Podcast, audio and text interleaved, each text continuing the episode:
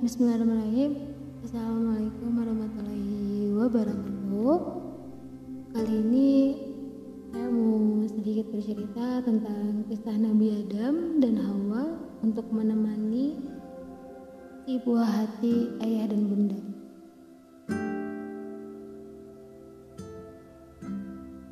Sudah pernah menceritakan kisah Nabi Adam untuk anak Anda? Parents? Yuk ceritakan kisahnya di bulan ini. Kisah Nabi Adam untuk anak. Kisah Nabi Adam alaihi salatu wassalam tercantum dalam Al-Quran. Dia diciptakan sebagai manusia pertama untuk menjadi khalifah atau pemimpin di muka bumi. Sebelumnya, Allah Subhanahu wa telah lebih dulu menciptakan malaikat yang berasal dari cahaya dan jin yang berasal dari api.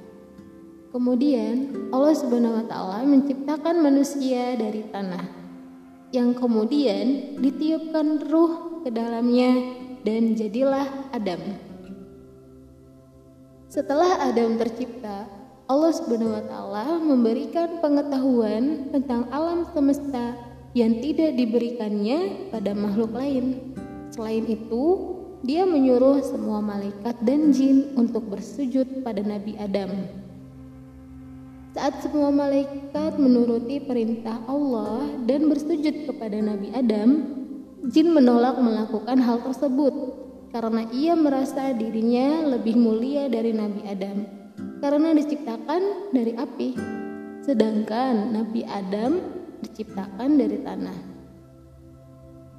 Allah Subhanahu wa taala murka Jin yang menolak bersujud pada Nabi Adam dikutuk untuk menjadi makhluk sesat bernama iblis.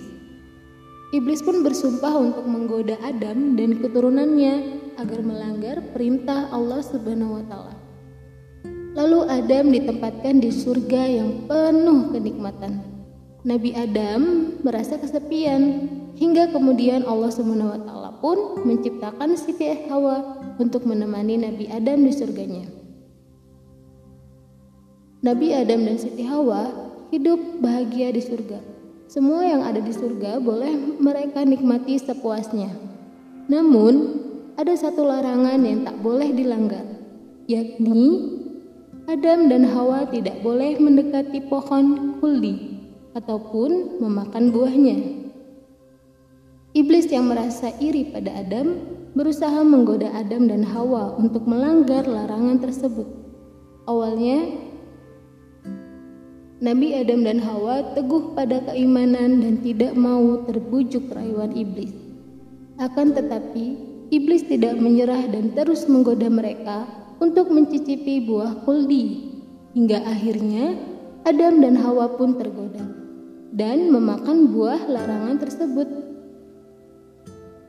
Allah Subhanahu wa taala pun marah karena Adam dan Hawa melanggar larangannya mereka berdua diusir dari surga dan diturunkan ke bumi.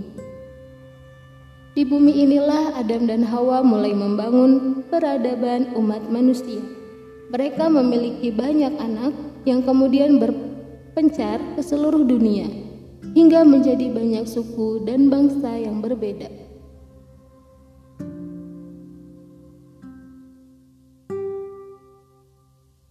Mendengarkan kisah Nabi Adam tentunya lebih menyenangkan bagi si kecil.